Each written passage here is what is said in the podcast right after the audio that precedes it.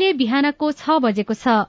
सामुदायिक सूचना नेटवर्क सीआईएनबाट अब प्रसारण हुँदैछ साझा खबर।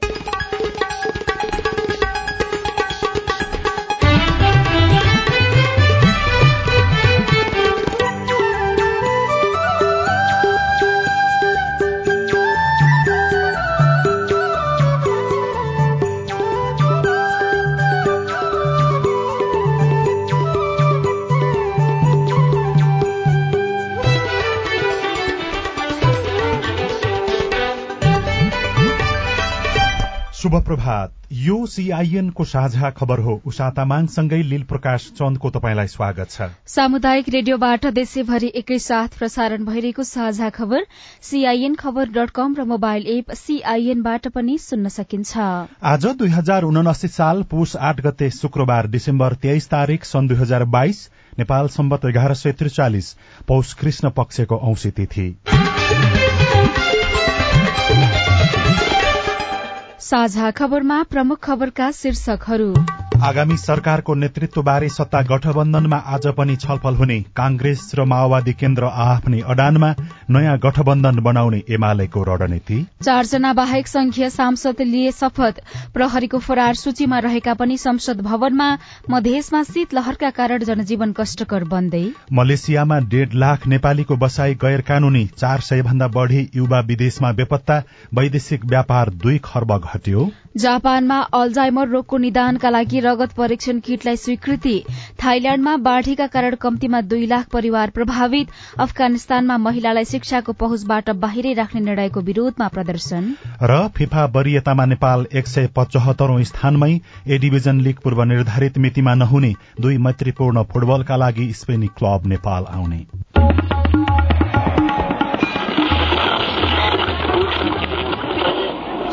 रेडियो। हजारौं रेडियो कर्मी र करोड़ौं नेपालीको माझमा यो हो सामुदायिक सूचना नेटवर्क सीआईएन साझा खबरको सबैभन्दा शुरूमा आगामी सरकारको नेतृत्वको बारेमा छलफल गर्न दलहरूको बीचमा निरन्तर छलफल भइरहेको प्रसंग प्रधानमन्त्री एवं नेपाली कांग्रेसका सभापति शेरबहादुर देउवा नेपाल कम्युनिष्ट पार्टी माओवादी केन्द्रका अध्यक्ष पुष्पकमल दाहाल प्रचण्ड र नेपाल कम्युनिष्ट पार्टी एकीकृत समाजवादीका अध्यक्ष माधव कुमार नेपाल बीच बालुवाटारमा छलफल भएको छ। प्रधानमन्त्री देउवाका प्रेस प्रमुख गोविन्द परियारले सत्ता समीकरणकै विषयमा छलफल केन्द्रित भएको बताउनुभयो। राष्ट्रपतिद्वारा पुष दश गते भित्र सरकार गठनको आह्वान भए बमोजिम उहाँहरूबीच सम्भावित सत्ता सहकार्यका विषयमा छलफल भएको भएको हो। शीर्ष नेताहरूबीच सरकार गठनका लागि प्याकेजमै सहमति खोज्ने छलफल भए पनि औपचारिक निर्णय भने नभएको स्रोतले बताएको छ। राष्ट्रपति प्रधानमन्त्री र सभामुखको विषयमा प्याकेजमा सहमति जुटाउनका लागि नेता त्रय बीचको बैठक आज पनि बस्नेछ। हिजो नै नेपाली कांग्रेसका सभापति शेर बहादुर देउवा र नेपाल समाजवादी पार्टीका अध्यक्ष डाक्टर बाबुराम भट्टराईबीच भेटवार्ता भएको छ। संसदको पहिलो ठूलो दल नेपाली कांग्रेसले यसअघि नै आफ्नो दलको नेतृत्वमा सरकार गठन गर्ने निर्णय गरिसकेको छ भने तेस्रो ठूलो दल माओवादी केन्द्रले पनि सरकारको दावी गर्दै छलफल थाल्ने भएको छ। हिज बसेको संसद संसदीय दलको बैठकमा सरकारको नेतृत्व दावी गर्दै कांग्रेस र नेकपा एकीकृत समाजवादीसँग छलफल गर्ने जिम्मा अध्यक्ष तथा संसदीय दलका नेता पुष्पकमल दहाल प्रचण्डलाई दिने निर्णय गरेको थियो। माओवादीका सचिव शक्ति बस्नेतले दलहरूबीच सरकार गठन र शक्ति बाँडफाँडका विषयमा गठबन्धनका दलहरूबीच छलफल भइरहेको र अब छिट्टै यो विषय टुंग्याउने बताउनुभयो। अब्सोल्युट मेजोरिटी अहिले कसै कुनै पनि पार्टीको रहेको स्थिति भएन। त्यस कारणले गठबन्धनकै सरकार बनाउनु पर्ने बाध्यात्मक अवस्था पनि छ। चुनाव पनि गठबन्धनकै तर्फबाट आएको चुनाव लडेर आएको स्थिति अर्को कुरा प्रतिनिधि सभाभित्रको नम्बर अङ्कले पनि त्यही कुरा बताउँछ। गठबन्धन गरेरै जानुपर्ने।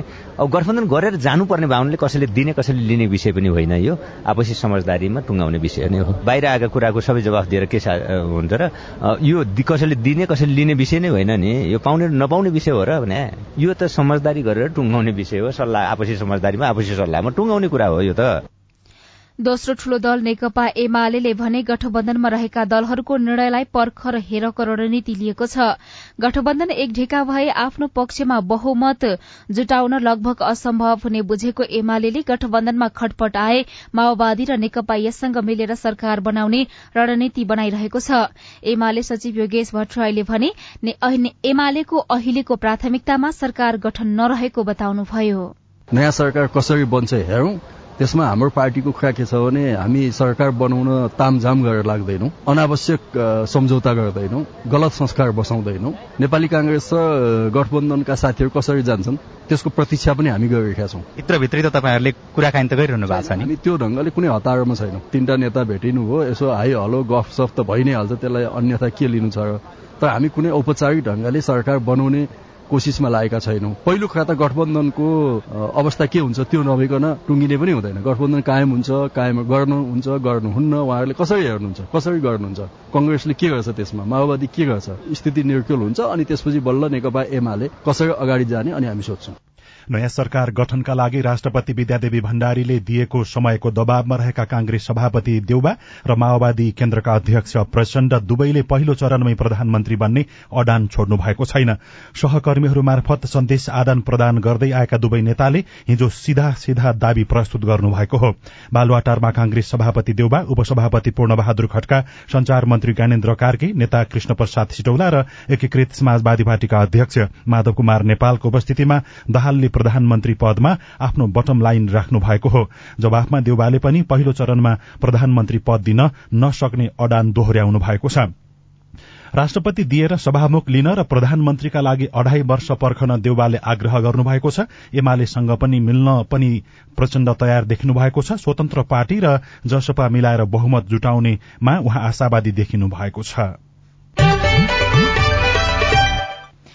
प्रतिनिधि सभाका ज्येष्ठ सदस्य पशुपति शमशेर जबराले नवनिर्वाचित दुई सय सत्तरी सांसदलाई पद तथा गोपनीयताको शपथ गराउनु भएको छ। बाँकी चारजना भने व्यक्तिगत कारण देखाउँदै अनुपस्थित हुनुभयो। उपस्थित मध्ये पच्चीस सांसदले विभिन्न तेह्र मातृभाषामा शपथ लिनु भएको थियो।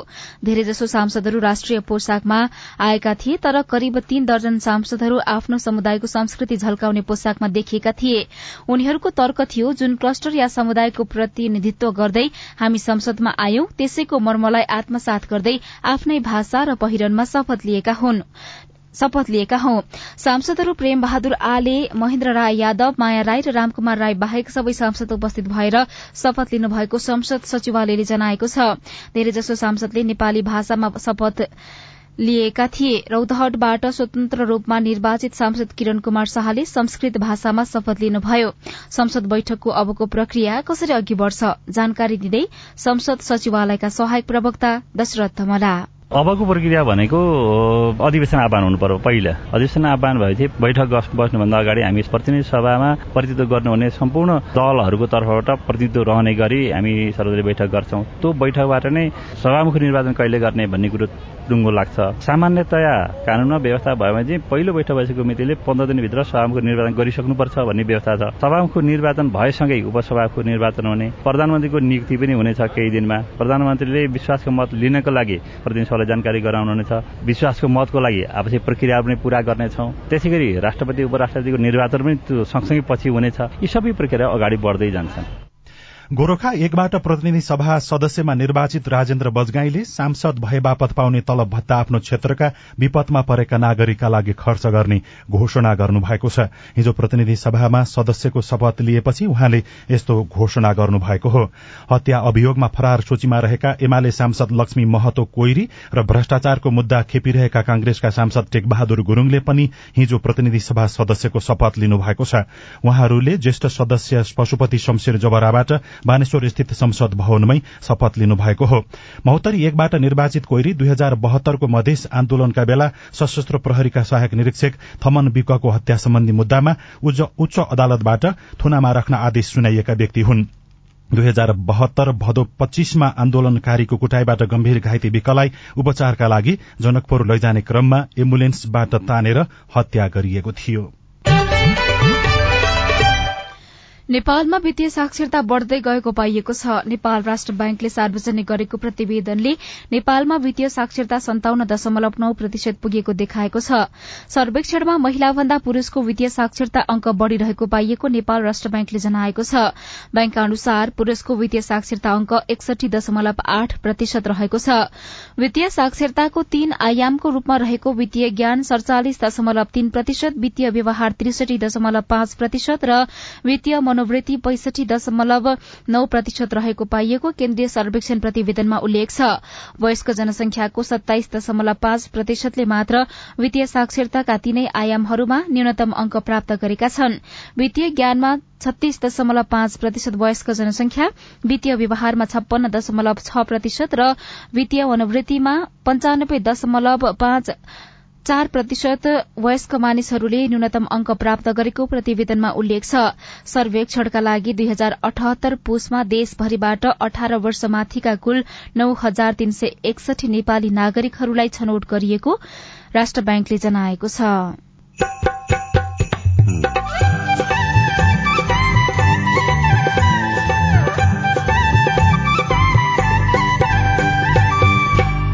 सामुदायिक सूचना नेटवर्क सीआईएन मार्फत देशभरि प्रसारण भइरहेको साझा खबरमा तीनै तहका सरकारको विपद पूर्व तयारी कमजोर। तत्कालीन अवस्थामा नै फटाफट त्यहाँ गएर राहत दिने अवस्था अरूको हुन्छ भने हाम्रो कति लामो समय पछाडि लाग्छ किनभने हाम्रो पूर्व तयारी चाहिँ छैन यो। मधेसमा शीतलहरका कारण जनजीवन कष्टकर बन्दै मलेसियामा डेढ़ लाख नेपालीको बसाई गैर कानूनी लगायतका खबर बाँकी नै छन्। सीआईएनको साझा खबर सुन्दै गर्नुहोला।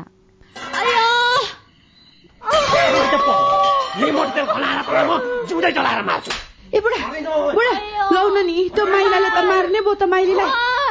मटी तेल पो खनाउँदैछ त। लौ नि झट्टै पुलिस बोलाइदिनु त।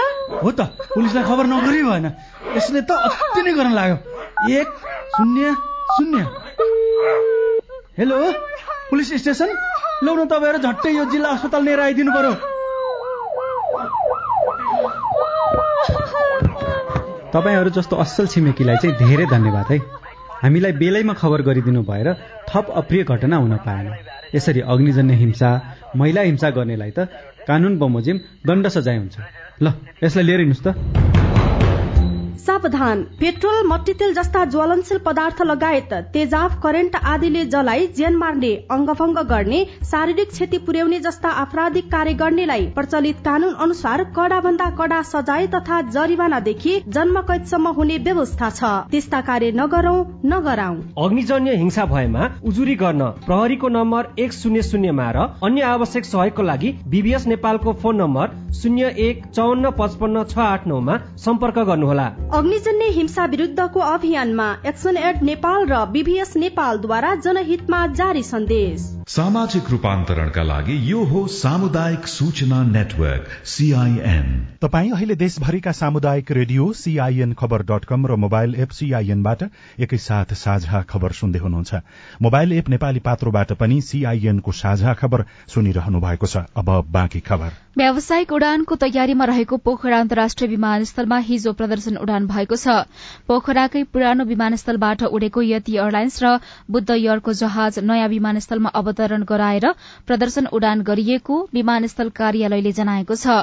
सीआईएनसँग कुरा गर्दै नागरिक उड्डयन प्राधिकरणका प्रवक्ता जगन्नाथ निरौलाले आउँदो सत्र गतेदेखि अन्तर्राष्ट्रिय उडान गर्ने तयारी गरेको बताउनुभयो। पोखरा अन्तर्राष्ट्रिय विमानस्थलमा उनासी साल पौष सत्र गतेदेखि चाहिँ विधिवत रूपमा विमानस्थलको उद्घाटन गरेर त्यही अन्तर्राष्ट्रिय विमानस्थलबाटै सबै उडानहरू सञ्चालन गर्ने गरी हाम्रो तयारी भइरहेको छ। र त्यो पोखरा अन्तर्राष्ट्रिय विमानस्थलमा जडित सम्पूर्ण उपकरणहरू रनवे चाहिँ एकदम ठिक दुरुस्त रहेको पाइएको छ। उडान गर्नलाई कुनै समस्या छैन नियमित रूपमा पुष सत्र गते पछाडि नयाँ विमानस्थलबाटै उडानहरू सुचारू हुनेछन्। पोखरा विमानस्थलमा आन्तरिक र बाह्य उडानका लागि छुट्टा छुट्टै संरचना बनाइएका छन्। अब आज काठमाडौँबाट प्रकाशित पत्र पत्रिकाको खबर। नयाँ पत्रिका दैनिकमा देशभर चिसो बढ़्यो शीर्षकमा खबर छ काठमाडौँ उपत्यका सहित मुलुकभर चिसो बढ़ेको छ। पुस लागे लगत्तै मुलुकभर अधिकतम र न्यूनतम तापक्रम घट्न थालेकोमा पछिल्लो समय बिहान पख देशभर हुसु लाग्न थालेको छ। काठमाडौँमा हिजो मध्याहसम्ममै हुस्सु लागेको थियो भने मध्य तराईमा दिउँसो दुई बजेसम्म घाम लाग्न नसकेको मौसम पूर्वानुमान महाशाखाले जनाएको छ। नागरिक दैनिकमा मधेसमा शीतलहरको कहर शीर्षकमा मिथिलेश यादवले जनकपुर धामबाट खबर लेख्नु भएको छ। परालले छाएको सानो छाप्रो एकातिर दाउरा र अर्कोतिर परालको बोझाको बारबेर चिसो भुइँमा पातलो सुकुल ओछ्याइएको छ। नजिकै चित्रा परेका पुराना कपडा जोडेर बनाइएको ओढ्नेछ। सिराहाको गोल बजार नगरपालिका दश मुसहरी टोलका श्यामदेवी सदायको छाप्रोको अवस्था हो यो। यही ओछ्यानमा गठ्याङ्ग्रिएर उहाँको सातजनाको परिवार थरथर काँप्दै शीतलहरको सिरेटो काटिरहेको छ। चार छोराछोरी र वृद्ध आमालाई छाप्रोभित्र राखेर श्याम दम्पति घर बाहिर खुल्ला आकाश मुनि बस्नुपर्छ। जाडो छल्न उनीहरूले परालसँगै घरका पुराना कपडा बेरेर छाप्रोको भुहाङ टालेको अवस्था छ। तीन दिनमा पाँचजनाको मृत्यु भइसकेको छ मधेसमा। स्थानीय सरकारलाई कुनै चासो नभएको भन्दै नागरिकहरू भने आक्रोशित देखिएका छन्। नागरिक दैनिकको भित्री पन्नामा वैदेशिक व्यापार दुई खर्ब घट्यो शीर्षकमा दिलीप पौडेलले लेख्नु भएको छ। सरकारले केही वस्तुको आयातमा कडाई उपभोगमा उपभोगमा कमी लगायतका कारण वैदेशिक व्यापार करिब दुई खर्ब रूपियाँले घटेको छ। विगतका वर्ष निरन्तर व्यापार घाटा बढ़िरहेको अवस्थामा चालू आर्थिक वर्ष दुई हजार उनासी अस्सीको पहिलो पाँच महिना मंगिरसम्ममा वैदेशिक व्यापारसँगै व्यापार घाटामा पनि कमी आएको हो। आयात घट्नु अर्थतन्त्रका लागि सकारात्मक भए पनि निर्यात घट्नुलाई राम्रो मानिँदैन। आयात बीस दशमलव सात एक प्रतिशतले घटेको छ भने निर्यात पनि चौतिस दशमलव छ एक प्रतिशतले घटेको छ। सरकारले संघीय सरकार अन्तर्गतका कार्यालयको व्यवस्थापन परीक्षण शुरू गरिएको छ। सार्वजनिक निकायले प्रवाह गरेका काम प्रभावकारी पारदर्शी जवाफदेही र सुशासन मैत्री नभएको गुनासो आउन थालेपछि सरकारले संघीय सरकारका सबै कार्यालयको चालू आर्थिक वर्षदेखि परीक्षण गर्न थालेको हो। लोकसेवा आयोगको कार्यक्षेत्रभित्रका विषय बाहेक सार्वजनिक निकायले प्रचलित कानूनको पालना गरी गर्नुपर्ने काम गरे नगरेको सो मूल्याङ्कन गरी सोको प्रतिवेदन संघीय मामिला तथा सामान्य प्रशासन मन्त्रालयलाई बुझाउनुपर्ने व्यवस्था गरिएको व्यवस्थापन परीक्षण निर्देशिका कार्यान्वयनमा ल्याइएको छ। गोर्खापत्र दैनिकमा खबर छ। यस्तै चार सय दस युवा विदेशमा बेपत्ता शीर्षकमा सीता शर्मा लेख्नुहुन्छ। वैदेशिक रोजगारीकै सिलसिलामा परिवारको सम्पर्क विहीन भएका नेपाली युवाको संख्या धेरै देखिएको छ। श्रम रोजगार तथा सामाजिक सुरक्षा मन्त्रालयले भर्खरै सार्वजनिक गरेको नेपाल श्रम आप्रवासन प्रतिवेदन दुई हजार बाइस अनुसार गएको तीन वर्षमा वैदेशिक रोजगारीमा गएका मध्ये एकतीसजना महिला सहित चार सय दस नेपाली श्रमिक विदेशमै बेपत्ता भएका छन्।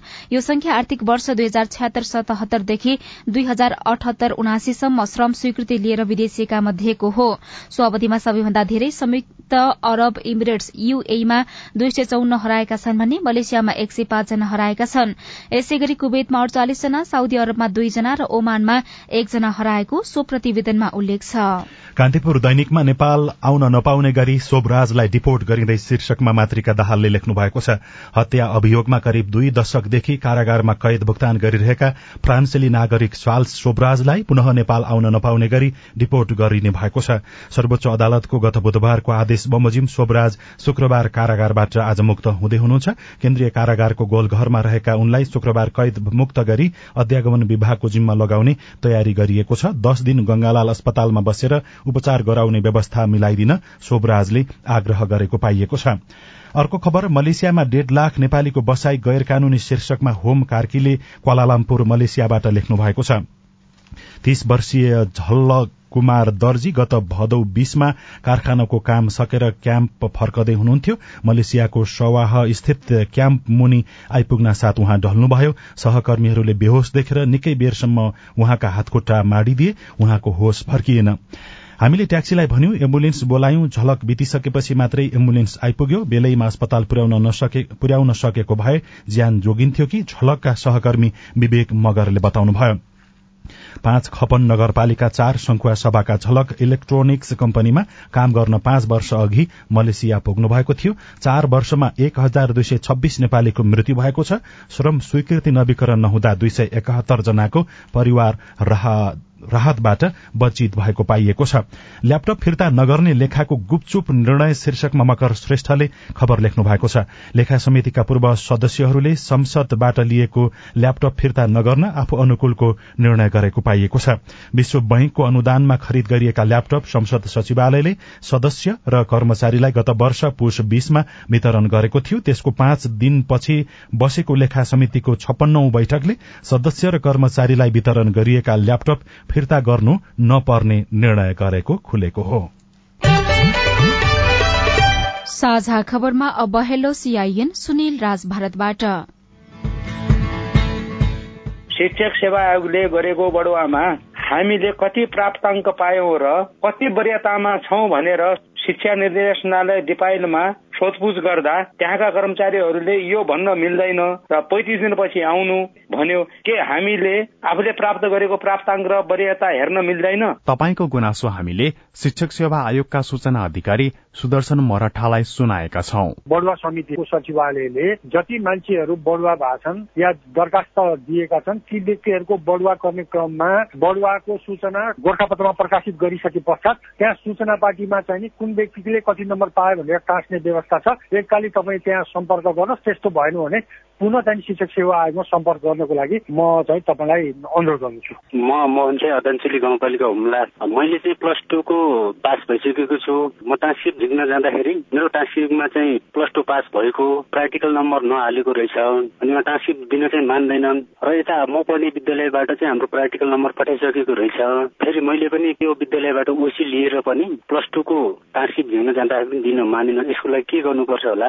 जानकारी दिँदै हुनुहुन्छ राष्ट्रिय परीक्षा बोर्ड सानोठिमी भक्तपुर कक्षा बाह्रका उपनियन्त्रक कृष्ण घिमिरे। दुई हजार एकहत्तर सालभन्दा अगाडिको विद्यार्थीहरूको प्र्याक्टिकलको मार्क्स आए पनि त्यो इन्ट्री गर्ने अवस्था हुँदैन सिस्टमले ब्लक गरिसकेको अवस्था छ। आफू कति सक्यो विद्यार्थी त्यो जानकारी गराउनु पर्यो दोस्रो प्र्याक्टिकल मार्क्स चाहिँ छुटेको छ भने कहाँ पठाएको छ? सुखेत कार्यमा पठाएको हो अथवा सिधै सानठिमीमा जम्मा गर्नुभएको त्यो जानकारी प्राप्त भयो भने हामी यहाँलाई सही सूचना दिन सक्छौँ। म वीरेन्द्र बहादुर विष्ट बैतडी जिल्ला दोगडागिद्दार गाउँपालिका। वडा नम्बर एक जिल्ला सैनीमा नेपाल टेलिकमको टावर बन्ने कुरा थियो। यो अहिलेसम्म त्यो बनेन अनि त्यो प्रक्रिया कहाँसम्म पुगेको छ र कहिलेसम्म बन्छ? जवाफ दिँदै हुनुहुन्छ नेपाल टेलिकम बैतडी कार्यालय प्रमुख विक्रमराम तमाटा। जिल्लासनी गाउँपालिका वार्ड नम्बर सात धामी गाउँको ओलतिर मन्दिरमै म आफै गएर सर्वे गरेर फिक्स गरेर आएको हुँ। पछि त्यो जग्गा प्राप्ति प्लस अनुमतिहरू गर्ने क्रममा केन्द्रसम्म डकुमेन्टहरू जाँदाखेरि फाइनल भएर ठेकेदारसम्म दिइसकेको छ भन्ने जानकारी मैले प्राप्त गरेको छु अहिलेसम्म। काम कहिलेबाट सुरु हुन्छ भन्नेमा केही भन्न सकिन्छ?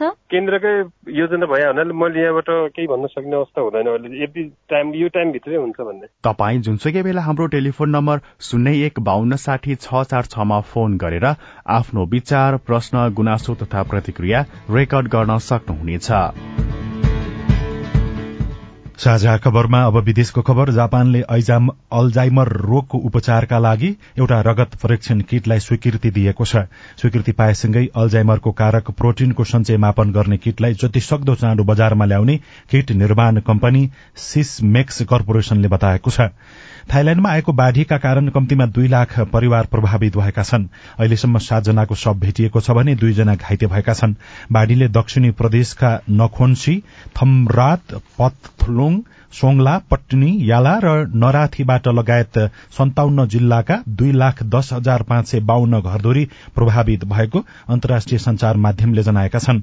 थाइल्याण्डमा गत आइतबारदेखि अस्ति बुधबारसम्ममा हावाहुरी सहित भारी वर्षा भएको थियो। र अफगानिस्तानमा महिलालाई शिक्षाको पहुँचबाट बाहिरै राख्ने निर्णयको विरोधमा प्रदर्शन भएको छ। तालिबान सरकारले महिलालाई विश्वविद्यालय जान रोक लगाउने निर्णयको ताली विरोधमा प्रदर्शन गरिएको हो। अहिलेसम्म प्रदर्शनमा सहभागी पाँच महिला र तीन पत्रकारलाई तालिबानले पक्राउ गरेको बीबीसीले जनाएको छ। तालिबानले महिलालाई प्रतिबन्ध लगाउने घोषणा गरे लगत्तै बुधबारदेखि नै विश्वविद्यालय प्रवेशमा रोक लगाइएपछि प्रदर्शन भएको हो।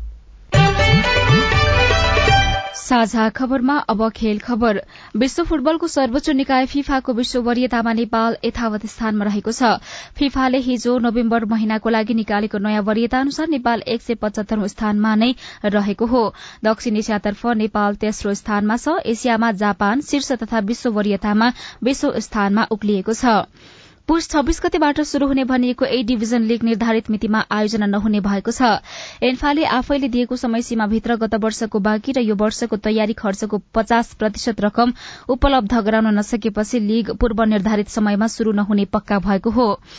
पुष चौध गते पुनः छलफल गरी लीगका बारेमा पुनः निर्णय लिने एन्फा महासचिव किरण राईले जानकारी दिनुभयो र स्पेनिस फुटबल क्लब कोथेरेन्यो एफसी मैत्रीपूर्ण खेलका लागि नेपाल आउने भएको छ। आउँदो बुधबार र बिहिबार काठमाण्डु र पोखरामा हुने मैत्रीपूर्ण खेलका लागि कोथेरेनो नेपाल आउने भएको आयोजक लुम्बिनी गार्डन फाउन्डेशनले जनाएको छ। अखिल नेपाल फुटबल संघ एन्फा कास्की जिल्ला फुटबल संघको सहकार्यमा मैत्रीपूर्ण खेल हुन लागेको हो। जलवायु परिवर्तनका कारण विपदजन्य घटनाको जोखिम बढ़दै रिपोर्ट अरू खबर र कार्टुन पनि बाँकी नै छ। सीआईएनको साझा खबर सुन्दै गर्नुहोला। सीआईएनको साझा खबर अब नेपाली पात्रोमा पनि। स्थानीय राष्ट्रिय तथा अन्तर्राष्ट्रिय समाचार नेपाली एफएम तथा अनलाइन रेडियोहरू एकै ठाउँमा सुन्न तिथि मिथि तथा पञ्चाङ्ग सम्बन्धी सबै जानकारी लिन। अन्तर्राष्ट्रिय मुद्राको नेपाली विनिमय दर सुन चाँदीको दर भाव मौसम सम्बन्धी सूचना र सार्वजनिक विधा बारेको जानकारी लिन पनि। नेपाली पात्रो अब तपाईँको मोबाइलमा। सामाजिक रूपान्तरणका लागि यो हो सामुदायिक सूचना नेटवर्क सीआईएन साझा खबरमा अब जलवायु परिवर्तनको असर। जलवायु परिवर्तनको असर बढ़दै जाँदा यसबाट पिरोलिनेहरू पनि बढ़दैछन्। विभिन्न कारणले जलवायुको नियमित अवस्थामा आउने परिवर्तनलाई निर्मूल गर्न सम्भव नभएकाले यसलाई आत्मसात गर्दै अघि बढ़नुपर्ने अर्थात अनुकूलनका उपाय अपनाउनु पर्ने बहस र प्रयास संसारभरि भइरहेका छन्। यसका लागि सरकारदेखि आम नागरिक एकजुट हुनुपर्ने देखिन्छ। पछिल्ला वर्षमा नेपालमा पानी पर्ने तरिका र समय फेरिँदै गएको छ। पोहोरको असोज अन्तिममा बेमौसमी वर्षा भयो भने यसपालि चौध दिन ढिलो गरी गत असोज तीस गते मात्रै मनसून बाहिरियो। त्यसपछि अहिलेसम्म हिउँदे वर्षा हुन सकेको छैन। वरिष्ठ मौसमवेद वरूण पौडेल। विगतका वर्षहरूमा पानी पर्दाखेरि देशभरि नै थ्रु आउट द कन्ट्री अथवा प्रत्येक जिल्लाभरि नै समान रूपले र लगातार झरी जस्तो बर्खाको झरी जुन हामी भन्थ्यौँ पहिला। त्यस्तो खालको चाहिँ त्यति पाइएको छैन यो वर्ष। अलिकति त्यस्तो भावनाले अलिकति पानी पर्ने जुन एउटा तौल तरिका जुन केही फरक चाहिँ भएको छ। विकासको नाममा उद्योग र हतियारको प्रतिस्पर्धा सवारी साधनको उच्च प्रयोग र कार्बन उत्सर्जन वन फडानी जस्ता दर्जनौ कारणले जलवायु परिवर्तनको दर निरन्तर बढ़िरहेको छ। जलवायु परिवर्तनको दर नै कम गर्न नेपालले खासै भूमिका निर्वाह गर्न नसके पनि यसका कारण बढ़दो विपदको सामना गर्न स्थानीय तह जुट्नुपर्ने दैलेखको आठबीस नगरपालिकाका प्रमुख तर्क बहादुर बडुवाल बताउनुहुन्छ। पूर्व तयारी हामीले आफ्नो क्षमतालाई हेरेर त गर्ने हो। पुरा राज्यको सबै निकायहरू नलागेसम्म नहुने रहेछ। जस्तो कि अरू अरू देशमा जतिखेर विपदमा पर्छ नि मान्छेहरू तत्कालीन अवस्थामा नै फटाफट त्यहाँ गएर राहत दिने अवस्था अरूको हुन्छ भने हाम्रो कति लामो समय पछाडि लाग्छ किनभने हाम्रो पूर्व तयारी चाहिँ छैन यो। जलवायु परिवर्तनको प्रभाव ठाउँ अनुसार फरक हुने भएकाले आफ्नो क्षेत्रको सम्भाव्य जोखिम अध्ययन गरी त्यसै अनुसारका योजना बनाउनु पर्नेमा ललितपुर महानगरपालिका पाँचका वडा सदस्य पुनम निरौला जोड़ दिनुहुन्छ। मेरो ठाउँमा एउटा समस्या छ भने उता तेइस चौबिसतिर पहिरो जाने पनि समस्या छ होइन? उहाँहरूले त्यो पहिरोको लागि गर्नुहुन्थ्यो भने मैले पानी बचाउनको लागि गर्थे। मेरो ओडामा त पहिरोको लागि त गर्नुपर्ने छैन होइन? जलवायु परिवर्तन विश्वव्यापी मुद्दा भएकाले जोखिम र असर कम गर्न अन्तर्राष्ट्रिय राष्ट्रिय र स्थानीय तहको संयुक्त प्रयास जरूरी छ। जलवायु जन्य विपदबाट जोगिन विषयगत समिति बनाएर अघि बढ़ेको वन तथा वातावरण मन्त्रालयका सहायक वन अधिकृत दीपा ओली बताउनुहुन्छ नगरपालिकामा चाहिँ विषयगत समितिहरू राखेर चाहिँ काम गर्नुपर्छ भनेर त्यही अनुसार चाहिँ हामीले कोअर्डिनेसनमा वेमा चाहिँ हामीले काम गरिरहेका छौँ। स्थानीय तहमै अनुकूलन योजना प्रारूप खाका छ भने चाहिँ त्यो खाकामा आधारित भएर पनि स्थानीय तहसँग समन्वय गरेर चाहिँ हामीले काम गरिरहेका छौँ। पानी पर्ने प्रणाली फेरिनु पानीका मुहान सुक्दै जानु तापक्रम बढ्नु हिउँ र हिमताल पग्लिने दर बढ़नु आदि जलवायु परिवर्तनका संकेत हुन्। यस्ता संकेत बढ़दै गएकाले प्रभाव कम गर्ने बारे तयारी थालिहाल्नुपर्ने जलवायु विज्ञ अजय दीक्षितको सुझाव छ। भविष्यका पुस्तालाई यसले असर गर्दछ। प्रकृति हाम्रा नदी नाला हाम्रो प्राकृतिक स्रोतलाई हामीले जसरी प्रयोग गर्ने जसरी उपयोग गर्ने एउटा बाटो बनाएको छौँ त्यतिले मात्रै पुग्दैन भन्ने जुन हुनु पर्यो त्यति स्केलमा हुन सायद नसकेको जस्तो मैले निवेदन गर्दछु। झट्ट सुन्दा जलवायु परिवर्तन अन्तर्राष्ट्रिय सन्दर्भ मात्रै जस्तो लागे पनि यो संसारभरिका सबै नागरिकको जीवनसँग प्रत्यक्ष जोडिएको विषय हो। त्यसैले पनि जलवायु परिवर्तनको जोखिम कम गर्ने उपाय पहिल्याउन नागरिक र तीनै तहका सरकारले हातेमालो गर्न अपरिहार्य छ। सजना तिमल सिन्हा सीआईएन काठमाडौँ। रिपोर्टसँगै हामी साझा खबरको अन्त्यमा आइपुगेका छौं। सामुदायिक रेडियो प्रसारक संघद्वारा संचालित सीआईएनको बिहान छ बजेको साझा खबर सक्नु अघि मुख्य मुख्य खबर फेरि एकपटक। आगामी सरकारको नेतृत्वबारे सत्ता गठबन्धनमा आज पनि छलफल हुने। कांग्रेस र माओवादी केन्द्र आफ्नै अडानमा नयाँ गठबन्धन बनाउने एमालेको रणनीति। चारजना बाहेक संघीय सांसदले लिए शपथ। प्रहरीको फरार सूचीमा रहेका पनि संसद भवनमा मधेसमा शीतलहरका कारण जनजीवन कष्टकर बन्दै। मलेसियामा डेढ़ लाख नेपालीको बसाई गैर कानूनी चार सय भन्दा बढ़ी युवा विदेशमा बेपत्ता वैदेशिक व्यापार दुई खर्बले घट्यो। जापानमा अल्जाइमर रोगको निदानका लागि रगत परीक्षण किटलाई स्वीकृति थाइल्याण्डमा बाढ़ीका कारण कम्तीमा दुई लाख परिवार प्रभावित अफगानिस्तानमा महिलालाई शिक्षाको पहुँचबाट बाहिरै राख्ने निर्णयको विरोध। र फिफा वरियतामा नेपाल एक सय पचहत्तरौं स्थानमा ए डिभिजन लीग पूर्व निर्धारित मितिमा नहुने। साझा खबरको अन्त्यमा कार्टुन कार्टुन हामीले नागरिक दैनिकमा रबिन सायमीले बनाउनु भएको यो पनि शीर्षकको कार्टुन लिएका छौं। व्यङ्ग्य गर्न खोजिएको छ। सांसदहरू विभिन्न अपारदर्शिता र विभिन्न अनियमितताका घटनामा पनि मुछिने गरेका छन्। विगतको अवस्था यस्तो थियो। शपथ ग्रहण समारोह हिजो भयो। दुईजना सांसद बीच एकअर्काका बीचमा कुराकानी भइराखेको छ। शपथ ग्रहण समारोहमै दुवैले शपथ लेखेको पत्र समातेका छन् र केही कुराकानी गरिराखेका छन्। माथि चाहिँ यस्तो लेखिएको छ। शपथ खुवाइसकेपछि भविष्यमा अरू केही खान्न भनेर शपथ खुवाउँदा हुन्न र? हवस् त प्राविधिक साथी सुनिल राज भारतलाई धन्यवाद। अहिलेलाई लील प्रकाश चन्द र उषा तामाङ विदा भयौं। तपाईँको आजको दिन शुभ होस्। नमस्कार। यसपछि देशभरिका सामुदायिक रेडियोबाट कार्यक्रम हेलो सांसद प्रसारण हुनेछ। सुन्ने प्रयास गर्नुहोला।